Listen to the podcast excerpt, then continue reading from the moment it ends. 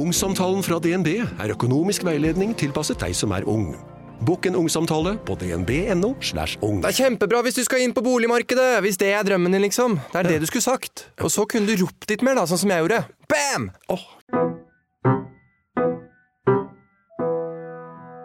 Kjære lytter, velkommen til en ny episode av Frilanslivet. Jeg heter Kristina Skreiberg, og jeg lager denne podkasten sammen med min kollega Hanna von Bergen. Vårt mål med podkastsamtalene og alle disse intervjuene er at de er både faglige og inspirerende, og til nytte og glede for alle dere som jobber for dere selv i medie-, kunst- og kulturbransjen. Dette er første episode etter en lengre sommerferie og publiseringspause. Jeg håper alle har hatt en deilig sommer med masse søvn. Og hvis ikke, fortvil ikke, for i dag skal vi snakke om nettopp søvn og gode søvnvaner.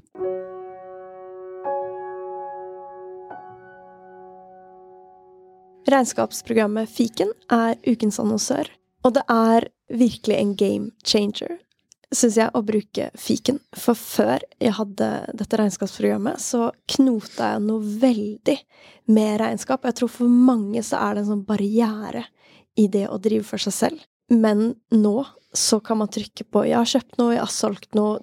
Fiken hjelper meg med å sende momsoppgave, skattemeldingen, gjøre alle de der tingene.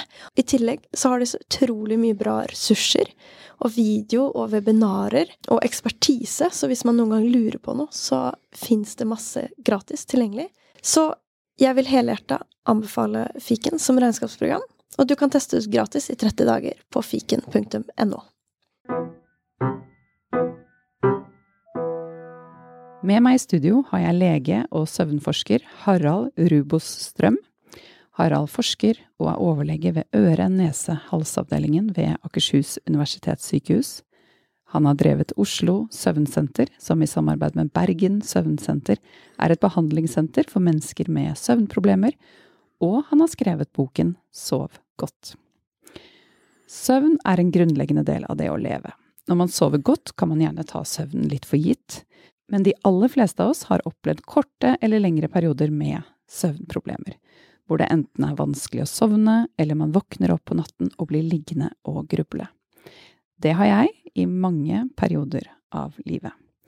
Og kanskje er vi frilansere litt ekstra utsatt, fordi flere står på en scene på kveldstid, eller sitter og jobber utover kvelden mot en deadline. I tillegg kan et uforutsigbart arbeidsliv påvirke søvnen. Det har det gjort for meg, og jeg har innsett at jeg sover mye bedre hvis jeg tilrettelegger for det. Men det glipper iblant likevel. Derfor gleder jeg meg veldig til å snakke med Harald om hva søvn har å si for vår mentale og fysiske helse, om gode søvnvaner, om at vi kan prestere ganske bra selv etter en natt med lite søvn, og jeg gleder meg til å få noen gode, konkrete råd. Velkommen, Harald. Tusen takk skal du ha. Du Harald, hvordan reguleres søvnen vår? Ja, for å si det litt enkelt, så, så er det tre faktorer som regulerer søvnen. Det ene er søvntrykket. Når vi er våkne, så klarer ikke hjernen å håndtere avfallet sitt skikkelig, så det bygger seg opp avfallsstoffer i hjernen vår som vi er nødt til å vaske ut i løpet av natten. Og en av de viktigste funksjonene til søvnen er nettopp å bidra til denne hjernevaskprosessen på natten. Så når dette søvntrykket bygger seg opp, så blir det lettere å sove. Den andre hovedreguleringsmekanismen vi har, det er den såkalte døgnrytmen. De fleste vet om de er et A-menneske eller et B-menneske, og det vil også påvirke hvor sannsynlig det er at du sovner i forskjellige tidspunkter av døgnet. Eksempel hvis man reiser med et fly vestover eh, mot eh, USA, så vi må merke at da våkner man og sovner på helt andre tider enn det man egentlig ville gjort hvis man sov her hjemme. Så den døgnrytmen den tikker og går i bakgrunnen uten at vi egentlig klarer å justere den noe særlig fra dag til dag. Men gjerne i løpet av en ukes tid så normaliserer det seg til det stedet du er på, på det tidspunktet. Men så har vi også heldigvis eh, muligheten til å overstyre de to biologiske systemene. Eh, og det kan vi gjøre ved hjelp av aktivitet. Eh, hvis vi er kjempetrøtte og ikke fungerer, så kan vi alltid holde oss våkne ved å være fysisk aktive, ved å få stimulus f.eks. For i form av kald luft eh, fra en bilvifte, eller man kan drikke kaffe for å kjemisk stimulere aktiveringssystemet. Og da overstyrer man de biologiske mekanismene til en viss grad. Men det er klart at hvis du presser kroppen for lenge, så vil du falle i søvn uansett. Så særlig hvis du kjører bil og merker at det er søvnig, så ikke skru på lufta på maks, ta heller og sov litt i neste pauselomme. For nå sa du heldigvis har vi det aktiveringssystemet. Er det ikke Mange av oss bruker det kanskje litt for mye? Eller, ja, altså, eller hadde det ikke vært best å bare legge oss til å sove når vi hadde behov for det, og lytte til kroppen? Det hadde vært veldig kjedelig da, hvis du var på en spennende teaterforestilling eller en konsert, og så plutselig slo søvnen din, og så måtte Jeg har sovnet på teater, jeg. Ja. ja, men du, det har jeg gjort altså. ja, men ja, litt kjedelig, ja. ja. Så ikke sant, det at vi har muligheten til å overstyre, det gir oss friheten til eh, å, å, være lenge på et nachspiel eller lenge på en fest og, og, og overstyre kroppens behov. Men det er alltid en pris i etterkant. Ja, å være litt bevisst på at det, det er en pris. Altså litt som om jobber man overtid lenge, så må man avspasere iblant. Og samme kanskje med søvnen. At man ja, roer det ned. Ofte så kan det være vanskelig å vite da, hvor langt du kan strekke strikken før du egentlig eh, har strukket den. Har strukket den for langt. Ja. Hva skjer med oss når vi sover? Altså hva skjer i løpet av en natt?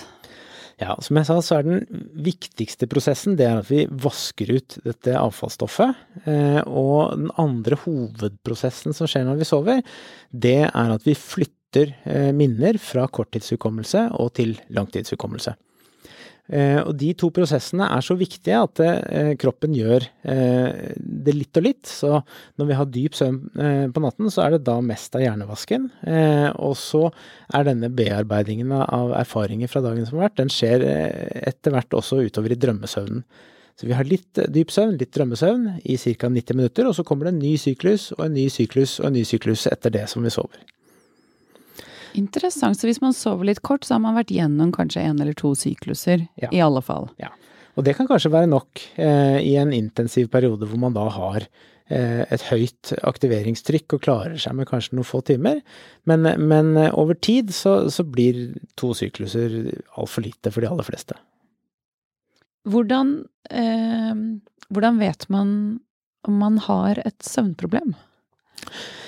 Altså, det er jo hvis man opplever for det første at man er trøtt og sliten og ikke fungerer på dagtid, eh, enten fordi man har f.eks. snorking eller pustestopp som ødelegger søvnkvaliteten, at du faktisk risikerer å sovne bak rattet eller eh, virkelig sovne ukontrollert, eh, eller så er det jo hvis man føler at man ikke har nok energi på dagtid og ikke egentlig er våken nok til det man ønsker å gjøre. Og da kan det være mange andre ting enn søvnen som kan gi en sånn tilstand, så da må man jo begynne å nøste litt i hva som kan være problemet. De som sover godt, kan jo kanskje ta søvnen litt for gitt. Kanskje lure litt på sånn hva, hvorfor har folk problemer med å sove? Men, men hvordan er det for de som sover skikkelig godt? Hvordan har de det på dagtid? Ja, altså, jeg tenker, hvis, jeg, jeg tenker det er bra at man eh, tar søvnen for gitt. Det er sånn det skulle vært, kanskje? For, for, vi ser det at hvis det blir veldig mye fokus på søvn, og så mye søvn må du sove, eh, så, så, så, kan ofte søvn bli en prestasjon. Eh, og det er jo sånn at jo hardere du prøver å få sove, jo mindre er sannsynligheten for at du faktisk sovner. Så hvis man på en måte har en automatisert innsovningsprosess hvor man bare sovner, og ikke tenker noe mer over det, så er det sannsynligvis det beste. Hvor mye bør vi sove? Det er det vel det vanligste spørsmålet jeg får fra journalister, tror jeg. Eh, og der er det gjort noe forskning. Eh, man ser at de som oppgir i store spørreskjemaundersøkelser at de sover ca. syv timer, de har best helse. Eh, men så er det så veldig store eh, svingninger fra person til person. Det er jo gener som bestemmer om vi er A- eller B-mennesker, eller hvor mye eh, vi klarer å vaske ut av disse avfallsstoffene. Sånn at, at normalspennet svinger seg sannsynligvis fra seks timer og opp til eh, åtte-ni timer, tenker jeg. Men, men, men, det er jo veldig forskjellig fra person til person.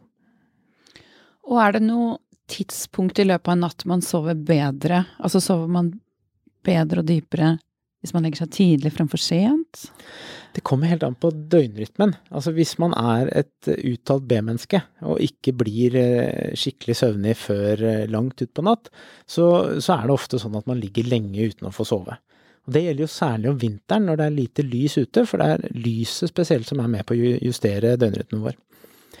Eh, så, så, det er klart, hvis du ligger våken i senga, så, så har du ikke noe god søvnkvalitet. Eh, men når du først sovner, så, så, går denne prosessen automatisk. Og eh, du har mest dyp søvn eh, tidlig på natten, eh, og så har du lettere for å våkne opp da, på morgenkvisten når du begynner å ha fått den søvnen du trenger. Men det å ta hensyn til om man er A- eller B-menneske, er er det viktig? Ja, jeg tror det er viktig å lytte til kroppen og kjenne etter eh, om, eh, om, man er søvnig eller ikke. Og veldig mange av de som har søvnproblemer, de har på sluttet å kjenne etter om de er søvnige. Eh, noen bruker f.eks. medikamenter for å medisinere seg i søvn eh, på det tidspunktet de mener de trenger å sove. Mens eh, noe av det vi, første jeg starter med når jeg behandler pasienten min som ny, er jo å prøve å få de til å kjenne etter når man er søvnig. Og søvnighet er noe annet enn det å være trøtt og sliten. Søvnighet er jo på en måte det at man begynner å duppe litt og, og, og kjenne at søvnen begynner å komme. Jeg tenker jo mange av dere som lytter til denne podkasten, er frilansere og altså driver for seg selv og kan legge opp veldig mye av dagene sine eh, selv. Ikke alltid, men eh, man kan ofte velge å jobbe på kvelden og stå opp senere. Og hvis man da er et B-menneske, er det Tenker du at det er kanskje noe flere kan dra nytte av, og liksom lage en rytme som funker for seg? Når man tross alt har det spillerommet, eller? Ja, altså jeg tror jo det at hvis man har muligheten til å forme yrkeshverdagen sånn at man kan eh, bidra når man eh, biologisk sett er eh, mest eh, optimal til å bidra, det, det, er nok det mest heldige. Men så er jo samfunnet skrudd sammen sånn at barna skal på skole klokka halv ni på morgenen. Og, og veldig mye skjer jo i kjernetiden på dagen. Og det kan ofte bli en utfordring hvis man da har et uh, yrke hvor man f.eks. skal stå på en scene og få masse lys uh, seint på kvelden. Så, så, vil jo det bidra til at døgnrytmen blir forskjøvet mot uh, B-menneskesiden.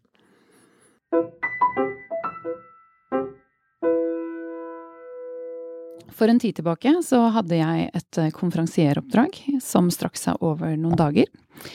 Og jeg reiste av gårde og skulle sove på hotell, og kvelden før jeg skulle på scenen, så spiste jeg middag med flere av deltakerne på konferansen. Og så trakk jeg meg tilbake på hotellrommet. Så jeg en episode av en serie på Mac-en. Nøt liksom å være litt alene på hotell. Før jeg så la meg for å sove. Og det var første natten på hotell, og jeg hadde hatt en kveld med mye inntrykk, og jeg skulle prestere neste dag. Og jeg fikk ikke sove. Og siste gang jeg så på klokka den natten, var klokken fem om morgenen. Og vi kan gjerne snakke litt om denne situasjonen, for jeg har skjønt, etter å ha lest boken din, Sov godt, at det er mye ved det her som kan forstyrre søvnen. Men først, jeg presterte ganske bra likevel neste dag. Og hvordan er det å mestre og prestere selv etter en natt med elendig søvn? Eller veldig lite søvn? Nei, og, det er jo et veldig viktig spørsmål som, som, eh, er viktig å få svar på for de som skal prestere. Eh, og jeg skrev faktisk en artikkel til Norsk idrettsmedisinsk tidsskrift eh, for et par år siden hvor jeg gikk gjennom rekorder som var satt etter søvnmangel. Da var det annet en, en engelsk lege som hadde satt ny verdensrekord i en engelsk mil etter å ha vært nattevakt på sykehuset hele natten. Så det går fint an å prestere maksimalt etter en natt med dårlig søvn. Eh, og et par andre ting i den historien du trekker fram, det er jo denne første natteffekten på hotell. Eh, vi er jo eh, genetisk sett programmert til å fungere i en helt annen setting enn den vi lever i til vanlig. Og når vi er i uvante omgivelser, så er vi sannsynligvis litt mer på vakt enn det vi er i våre vanlige, trygge omgivelser. Sånn at det å sove dårlig første natten på et hotell, det er noe veldig mange opplever. Og andre ting ved den historien er jo kanskje det å ha veldig mange inntrykk. da, Mye aktivering rett før leggetid, som da sosial sammenheng og ikke minst eh, ja, Mac-en i sengen. Ja. Hva vil du si om det? Altså, Mac-en i sengen er jo lys. Eh, og, og, det har vi også sett i studier, at eh, mye lys rett før man legger seg, det, det bidrar til å forsinke søvnrytmen. Og ødelegger også søvnkvaliteten. Så det å heller lese en bok på papir enn å se på Mac-en før man legger seg, kan nok være et, godt råd. Og så trekker du fram en interessant ting til i historien din, og det, det, er jo det å se på klokka. For, eh, for, det er klart det at eh, når man ligger der og er frustrert eh, og ser på klokka, så vil man da få en påminnelse om eh, hvor seint det er blitt, hvor lite søvn man faktisk har igjen til å eh, restituere seg til neste dag. Så, så, det vil sannsynligvis bidra til å aktivere dette aktiveringssystemet ytterligere. Så, så hvis man skal gjøre ett råd for å sove bedre, så er det å hive klokka ut av soverommet. Hvordan er det, altså får man noe igjen for å bare ligge og hvile da alle disse timene frem til klokka fem om morgenen før, før jeg sovnet? Altså, eh, hvis man har kroniske søvnproblemer over tid, så råder vi pasientene til å komme seg ut av senga. Hvis man da ikke får sove, så er det Da blir kroppen vant til at man ligger der i senga, eh, og på en måte normalsituasjonen blir at man ligger våken i senga, og det er sannsynligvis uheldig eh, for å få sove over tid. Men i en akuttsituasjon, så lenge man kjenner at man er avslappa eh, og ligger i sengen og hviler, så tror jeg det er greit. Men hvis man ligger der og føler at man blir stressa av å ligge i sengen, så kan det nok være lurere å stå opp, eh, lese en artikkel på papir. Jeg pleide å si når jeg hadde pasienter, at eh, finn den avisen fra dagen før og, og les den kjedeligste artikkelen som du ikke hadde lyst til å lese på dagtid, og så kan du prøve å legge deg når du kjenner at søvnigheten kommer igjen. Men å lese i sengen, da? Ja, der er det igjen eh, forskjell på den akutte eh, problematikken og langtidsmestringen. Eh, å lese i sengen og bare legge fra seg boken og, og prøve å sove eh, i en sånn hotellsetting, tror jeg er helt greit. Men eh, hvis vi skal jobbe med de som har eh, kroniske søvnplager over tid, så vil det være mye mer nyttig at man dedikerer sengen til et sted man skal sove og hvile og ha det bra. Og så kan man lese og gjøre andre ting utenfor sengen.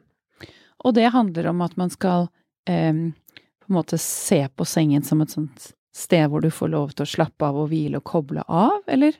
Ja, det har jo med underbevisstheten å gjøre. Altså, eh, den mest effektive behandlingen for kronisk eh, søvnplager er noe som heter kognitiv atferdsterapi. Eh, og det er jo basert på prinsipper som en russisk fysiolog som het Pavlov beskrev egentlig for første gang for over 100 år siden, hvor man så at man koblet sansestimuli mot forventede handlinger. Så det Pavlov gjorde, var at han ga hunder mat, og så ringte han med en bjelle. Og så kunne man da se at hundene begynte å sikle bare de hørte lyden av bjellen, etter at den etablerte en sammenheng mellom lyd og mat. Og På samme måten tror vi at eh, den ubevisste atferden vår er at vi kobler forskjellige sanseinntrykk mot eh, forventet effekt. Eh, og da f.eks. det å ligge behagelig i en seng er noe som vi har automatisert til å assosiere med en innsovningsprosess. Og jeg, jeg syns det er ganske vanskelig å sovne inn. Så da Jeg tror kanskje jeg har motsatt Pavlov-effekt, holdt jeg på å si. At jeg er redd for at når jeg legger meg i sengen nå, så får jeg ikke sove. Hvis jeg legger meg nå, så kommer jeg ikke til å få sove, kommer ikke til å få sove, kommer ikke til å få sove. Og det, hvordan, hvordan snur man noe sånt? Ja, men da snakker vi jo eh, mer om eh, automatiske tanker.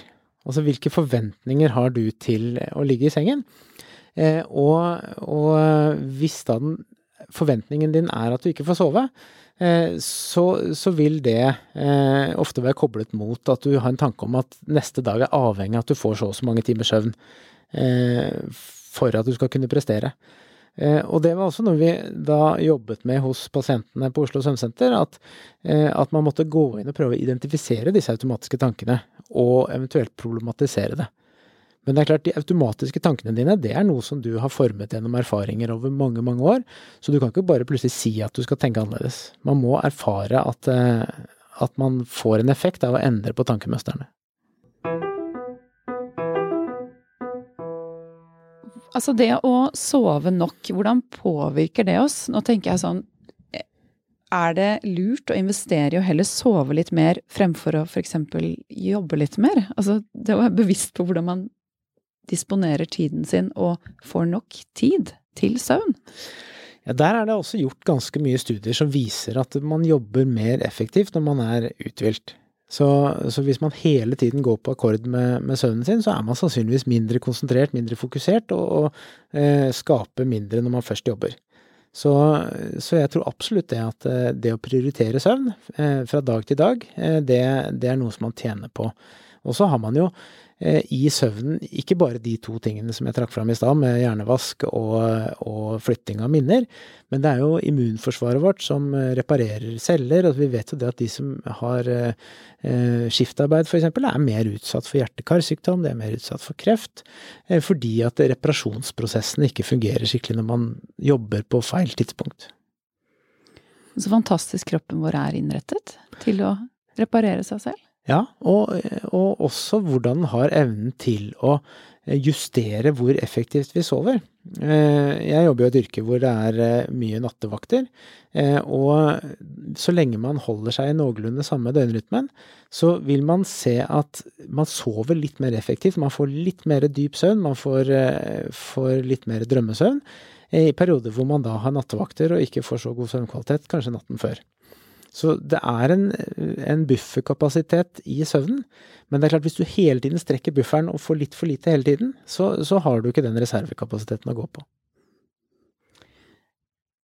Hvis vi lærer oss noe nytt, altså jeg tenker på det der med at eh, kunnskap flyttes til eh, langtidslagring på natten, mm. som du beskrev, er det da viktig å investere i å sove når vi prøver å etablere nye vaner og lære oss nye ting? Ja, jeg tror hvis du på en måte ser over lang tid så, så, vil det være Du vil huske mye mer. Eh, og, og, ikke minst tekniske ferdigheter. Altså hvis man f.eks. er pianist, så er det gjort kjempemorsomme studier hvor man ser at man kan øve og øve og øve på dagtid. Og så kommer man til et visst nivå. Eh, og så man, eh, trekker man lodd og lar halvparten sove og halvparten slappe av eh, gjennom en natt. Og så gjør man en ny måling uten at man har trent en eneste gang til. Så ser man at de som sov, de presterer teknisk mye bedre enn de som var våkne. Så det er ikke bare det at man fester minnene og programmerer det inn i langtidsminnet, men du plukker også bort all feillæringen. Sånn at, at, den modelleringen som skjer når vi sover, den Vi vet jo ikke alt som skjer, men, men det skjer veldig mange spennende prosesser i den eh, fasen. Fascinerende. Virkelig sove med god samvittighet. Ja. Og så er det jo blitt et samfunnsideal i mange yrkesgrupper å klare seg med minst mulig søvn. Eh, og det, det, er jo uheldig. For, for, det er klart at hvis man da egentlig mister den drømmesøvnen da hvor vi skal justere særlig de sosiale tingene mellom oss, så, så får man kanskje en litt fattigere dagtidsfunksjon, da.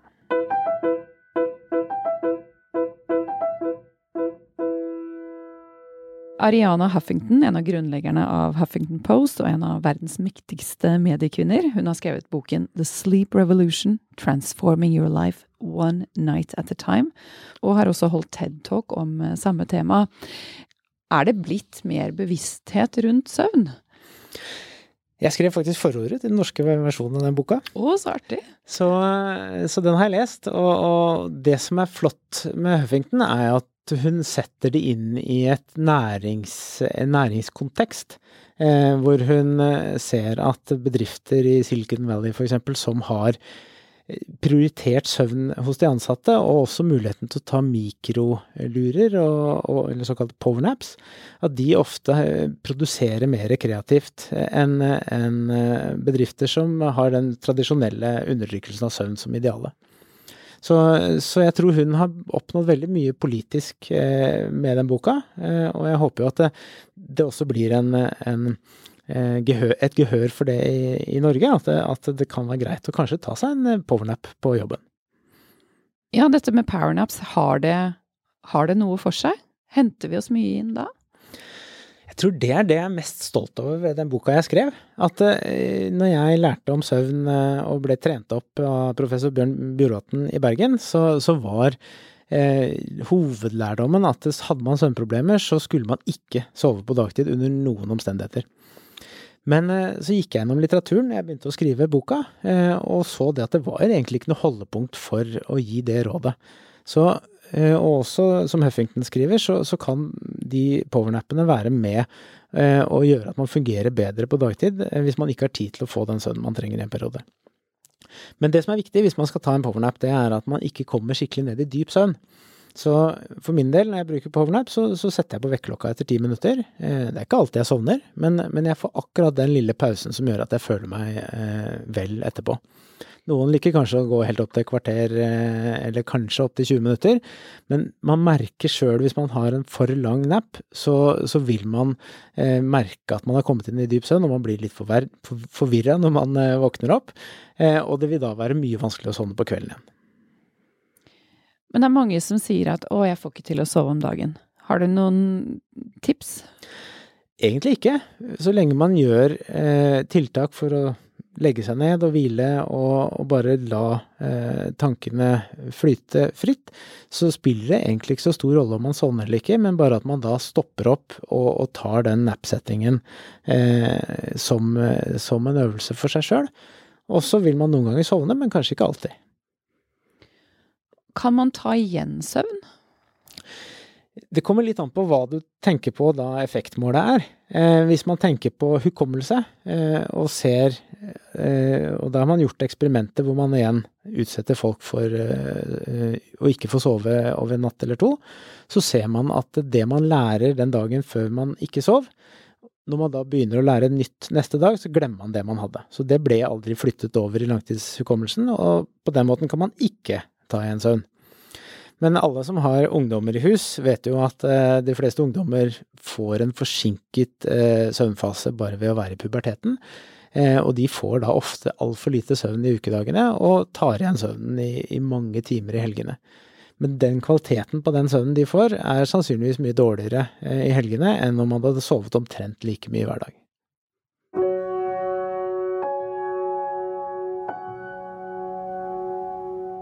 Ukens annonsør er Sparebankstiftelsen, DNB. De gir støtte til tiltak til glede for barn og unge inntil 25 år. Sparebankstiftelsen oppfordrer flere organisasjoner til å søke støtte til prosjekter som formidler kunst til barn og unge. Det kan være aktiviteter som foregår i skoletiden eller på fritiden. Kjenner du til et prosjekt som trenger støtte? Du finner mer informasjon på sparebankstiftelsen.no. Søknadsfristene er 1. april 1. september og 1. desember.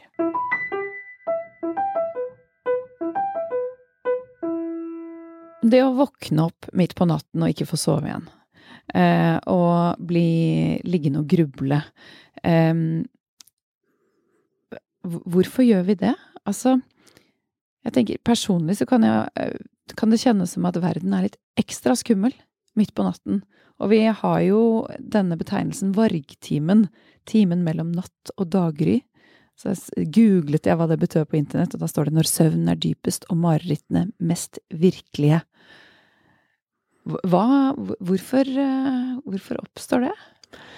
Eh, bare sånn rent teknisk så, så er jo eh, oppvåkningene på morgenkvisten eh, ikke fra dyp søvn, eh, selv om det sto det, men, men de er ofte fra drømmesøvn.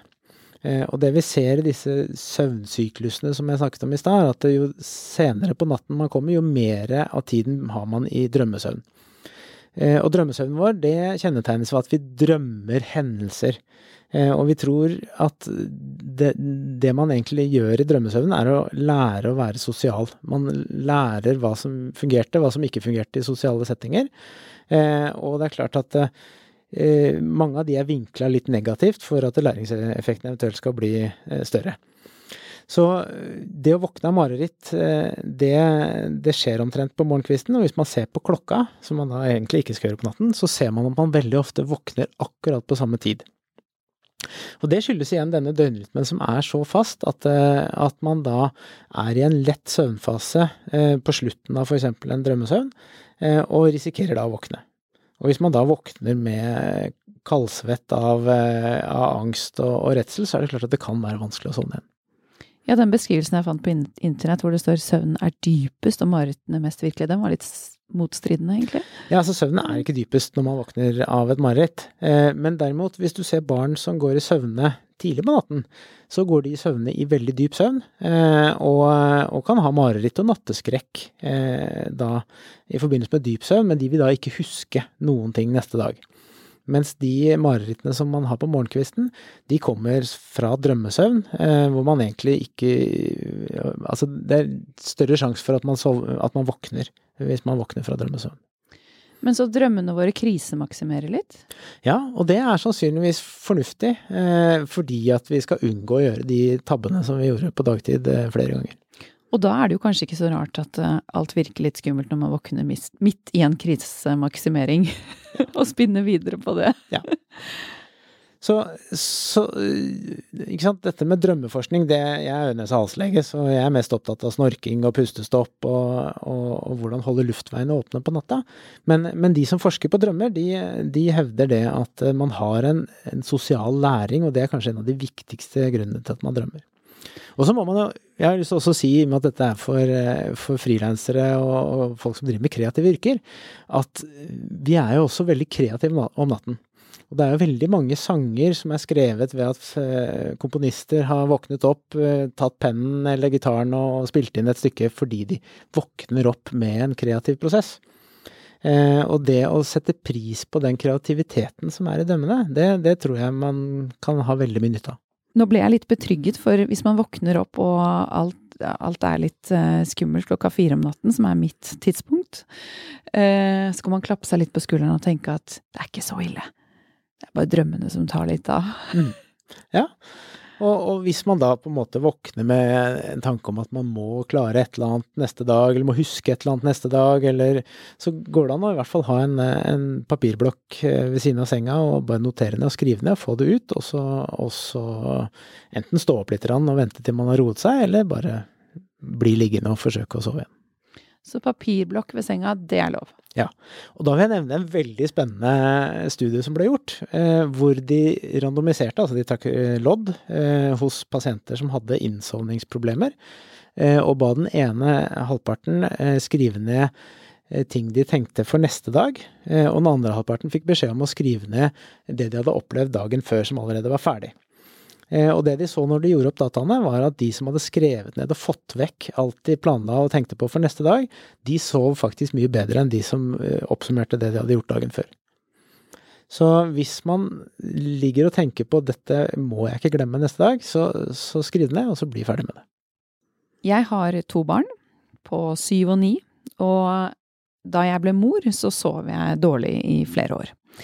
Og det kjentes som at jeg mistet kontroll over søvnen, og at jeg bare lå og ventet på at et av barna skulle våkne, og selv da barna sov, så lå jeg våken.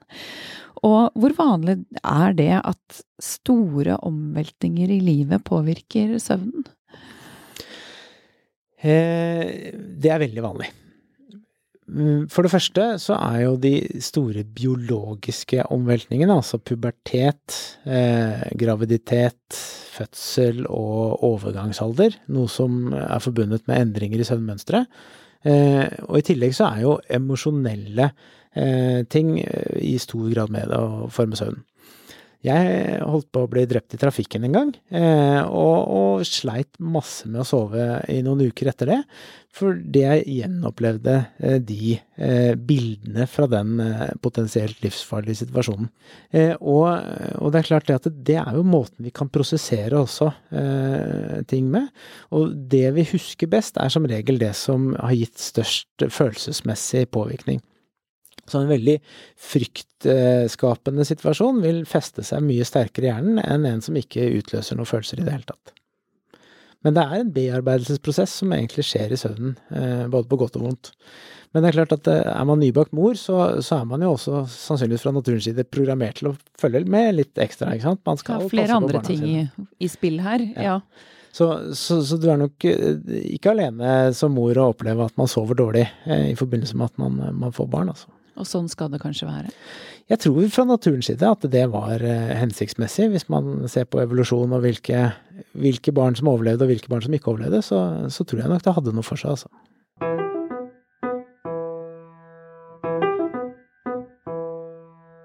Jeg vil gjerne snakke litt om hvordan tilrettelegge for god søvn. Og eh, kanskje vi kan begynne med dette blå lyset fra skjermer som vi har rundt oss. Eh, Og selv så har jeg kjøpt meg sånne oransje briller som jeg går med på kveldstid en gang imellom. Eh, Som skal blokkere ut blått lys. Mm. Har det noe for seg? Ja, det har nok noe for seg. Eh, For vi vet at det som styrer døgnrytmen, det er lyset rundt oss.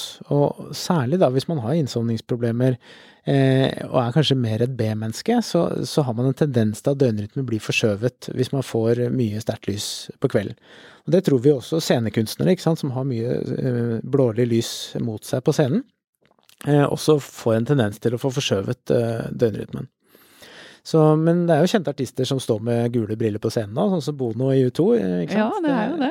Så, så, Flere burde gjøre det, kanskje? ja, altså det er nok ikke gode nok studier til å si at man med to streker under svaret skal anbefale alle på scenen å stå med gule briller. Men, men, eh, men å være bevisst på eh, om man har en effekt av det eller ikke, det tror jeg kan være lurt. Men igjen så er det jo da kombinasjonen av å blokkere ut det blå lyset på kvelden, og det å få nok lys eh, tidlig på dagen eh, med kraftig enten hvitt lys eller da blått lys. Eh, For man ser at det, det melanopsinet, som er det stoffet i netthinnen vår som er med på å eh, justere døgnrytmen, det trigges da mest av det blå lyset. Men det er klart, et fullt dagslys eh, hvor det er hvitt lys, så har man også mye blått lys, eller som man får, altså. Kaffe? Hva er anbefalingen? Kaffe, altså, kaffe er eh, en stimulerende, eh. Den demper, eh, demper den trangen til å føle seg søvnig. Eh, problemet med kaffe er at den har en veldig lang nedbrytingstid. Så de som er eh, biologisk veldig sensitive for koffeineffekten, de bør nok ikke drikke kaffe etter tre-fire-tiden, seinest kanskje enda tidligere. Men der er det også veldig store genetiske forskjeller. Jeg kan drikke en kopp kaffe klokka ti om kvelden og sove godt etterpå, men, men det har nok mye med genetikk å gjøre, altså. Det å legge seg til samme tid hver kveld, er det anbefalt? Jeg pleier ikke å anbefale det.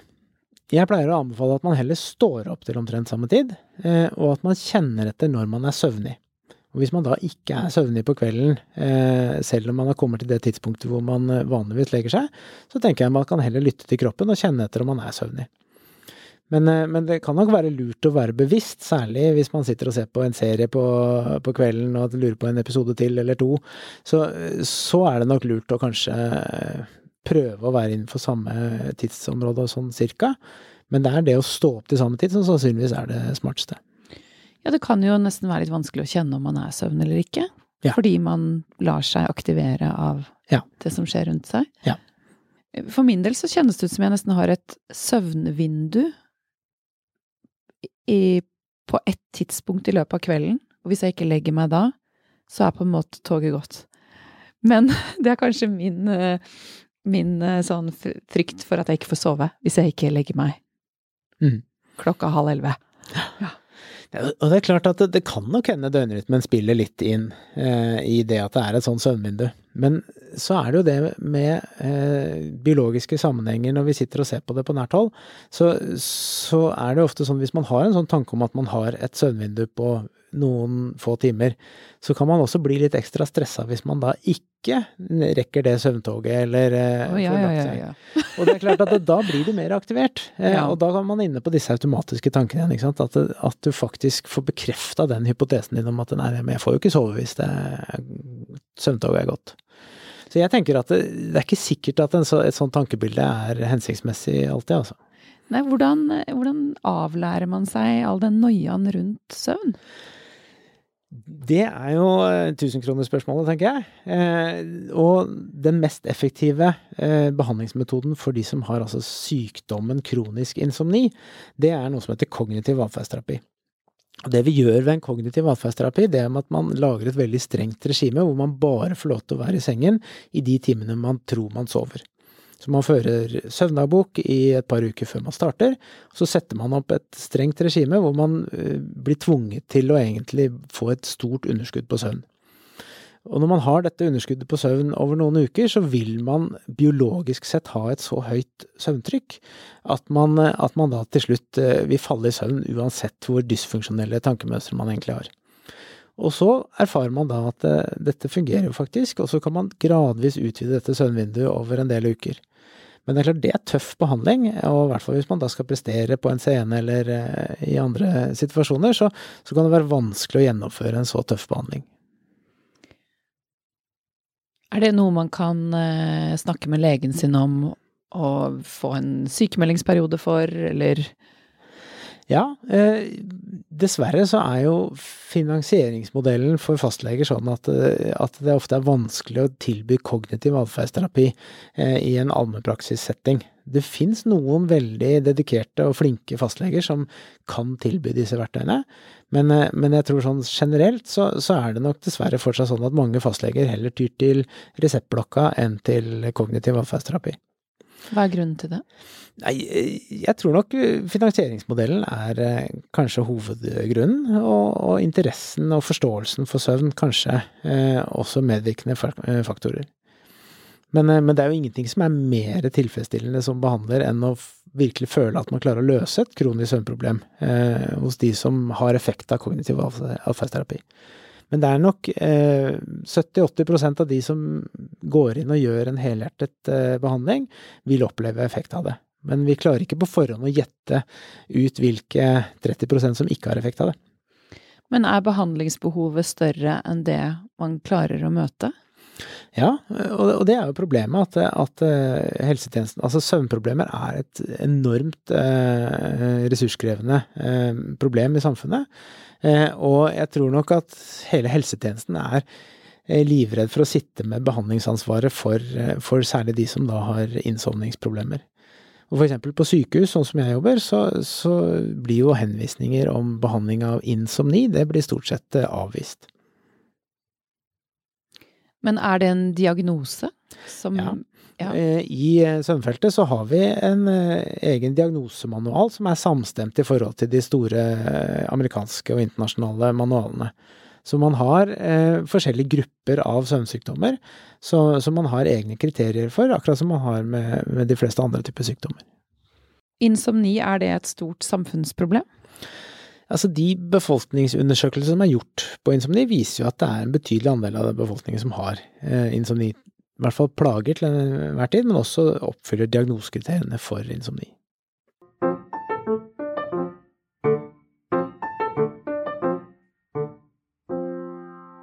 Hvor tett er søvn og pust knyttet sammen? Altså, som eh, snorkeforsker så må jeg si at det er veldig tett knyttet sammen. Eh, og særlig hos de som har da den sykdommen som kalles for obstruktiv søvnapné, så ser vi at der blir søvnkvaliteten objektivt eh, forstyrra av eh, trange øvre luftveier. Så har man også sett en del på nesens funksjon i forhold til søvn.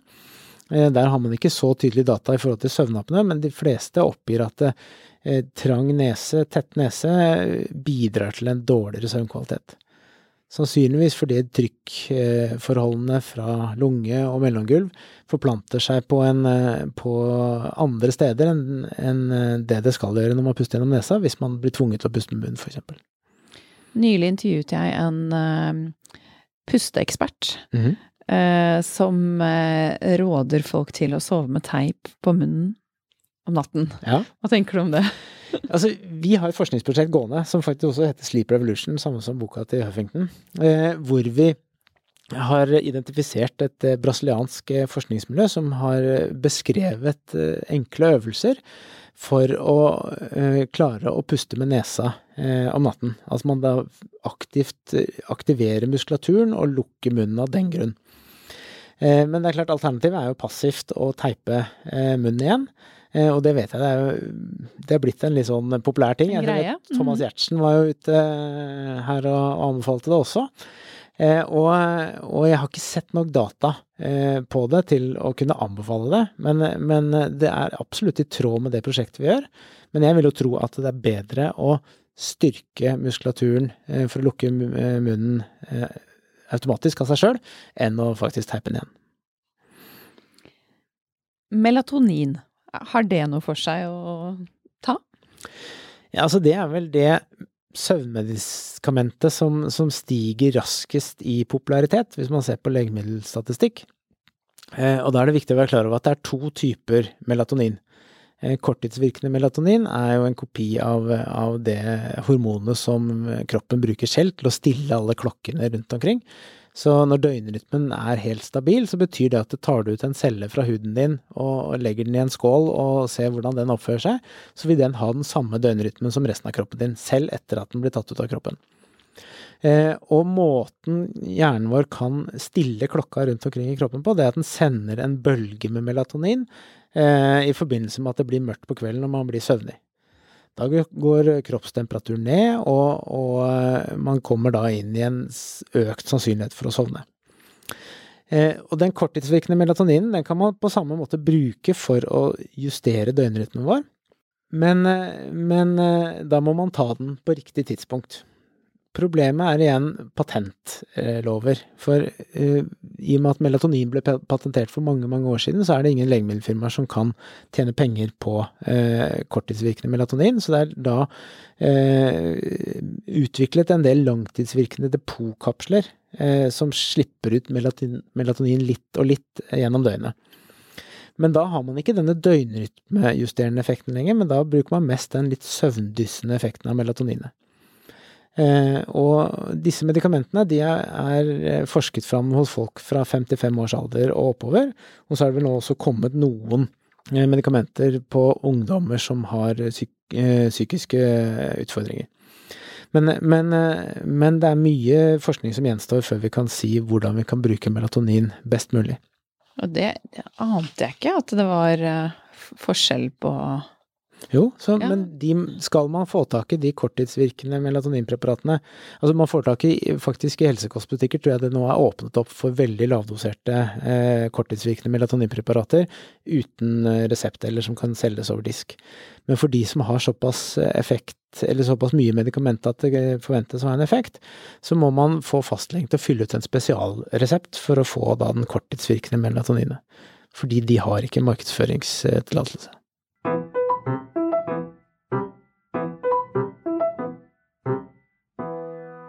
Avslutningsvis, har du noen gode råd vi kan ta med oss videre? Jeg tror at det beste rådet er å lære seg en avslapningsøvelse på dagtid, eh, som man kan være trygg på å ta med seg inn i senga hvis man opplever å ikke få sove. Men det å begynne å lære seg en ny avslapningsøvelse mens man ligger og er frustrert over å ikke, ikke få sove, det tror jeg ikke er eh, noe særlig hensikt. Men hvis man da enten eh, googler eller laster ned mindfulness-app, eller prøver å finne en måte å puste på og bruke for å, for å komme generelt mer i ro, så, så kan det nytte. Eh, vi har jo også et forskningsprosjekt eh, som vi tester på Ahus nå, hvor vi ser på noe som heter EEG nevrofeedback. Hvor vi ser om det kan være en måte å øve på dagtid for å komme inn i en sånn rolig, avslappa stemning. Den leverandøren vi samarbeider med som har utviklet eh, dette med EEG nevrofeedback, så betyr det at man har elektroder koblet til hodet, og så registrerer de hvordan bølgeaktiviteten er i hjernen. Og det er gjerne sånn at eh, jo roligere bølger man har, jo mer avslappet er man. Eh, og så identifiserer det softwaret da eh, et gunstig hjernebølgemønster som, som, man vet er forbundet med det å få sove, og så gir man en, en lydfeedback som en slags premie når man klarer å komme inn i den, den rolige aktiveringen. Og på den måten så kan man trene ved at man da får en bekreftelseslyd hver gang man kommer inn i den rolige fasen. Og så, og så, vil man kunne ta med seg den treningen inn når man skal prøve å sove. Men treningen skjer på dagtid, men, men man bruker det da når man skal legge seg på kvelden. Så har vi et annet forskningsprosjekt hvor vi også har laget en, en elektronisk søvndagbok. Eh, og på den måten, hvis man fyller ut søvndagbok, som jeg også har laget en papirkopi av bakerst i boka mi, så, så kan man på en måte få et slags fugleperspektiv på søvnen sin. For det er veldig lett å stirre seg blind på eh, frustrasjonen der og da, men hvis man opplever at man har et problem, så bør man kanskje føre søvndagbok i noen uker, og så prøve å se er det egentlig så ille som, eh, som det man tror. Og ofte vil man da se at det faktisk så sov man kanskje bedre enn det man egentlig trodde. Ja, og jeg har bare prøvd å trene på dette på kveldstid mm. når jeg er kjempefrustrert. Ja. Tenker jeg nå må jeg prøve å være til stede og uh, kjenne at kroppen er tung mot madrassen og puste rolig og alt ja. det der. Men det høres jo så mye lettere ut å trene på dagtid når eh, ja, jeg er litt mer i vater og ikke så frustrert. Nettopp. ikke sant? Og det å skulle lære seg eh, å slappe av når man er frustrert, det, det er veldig, veldig vanskelig å få til. Men, men, det er derfor jeg også tror at en søvndagbok er så viktig når man begynner å tenke at man har et søvnproblem, for da kan man få dette fugleperspektivet, man kan se på det litt over tid, og så kan man lage en plan for seg sjøl, eller eventuelt sammen med en behandler, og, og se hvordan skal vi angripe problemet. Men hvis man angriper problemet følelsesmessig der og da, når man er midt i det, så, så ser man ikke klart, altså. Hva syns du selv er det mest spennende ved å jobbe med søvn? Jeg syns jo det mest spennende er hvordan identifisere de som ønsker å trene på dette sjøl, og hvordan kunne da tilby aktive treningsøvelser for de som er motivert til å ta tak i det. Og det er klart, i en sykehussetting så, så, er det noen i den kategorien, og så er det noen som ønsker mer en passiv eh, håndtering, f.eks. at de får en CPAP-maskin som holder luftveiene åpne uten at de trenger å tenke så mye på det selv. Men det å kunne hjelpe de som virkelig har lyst til å trene, det er det som fascinerer meg mest med dette. Tusen, tusen takk for at du kom, Harald. Bare hyggelig. Takk for at jeg fikk komme. Sov godt til deg. Det gjør du allerede, gjør du ikke det? Jo, jeg kunne jo ikke drevet med dette hvis jeg sov dårlig sjøl. Og dere andre, sov godt, og ja, lykke til med treningen. Ha det bra. Denne episoden er laget med tilskudd fra Norges største kunstnerorganisasjon, Creo. Alle som har inntekt fra kunstneriske yrker, kan bli medlem i Creo. Du kan være utøvende musiker, danser, pedagog, produsent, musikkterapeut, scenograf eller kritiker, og mye mer. Creo arbeider for å sikre medlemmene bedre lønns- og arbeidsvilkår. Tusen takk for samarbeidet.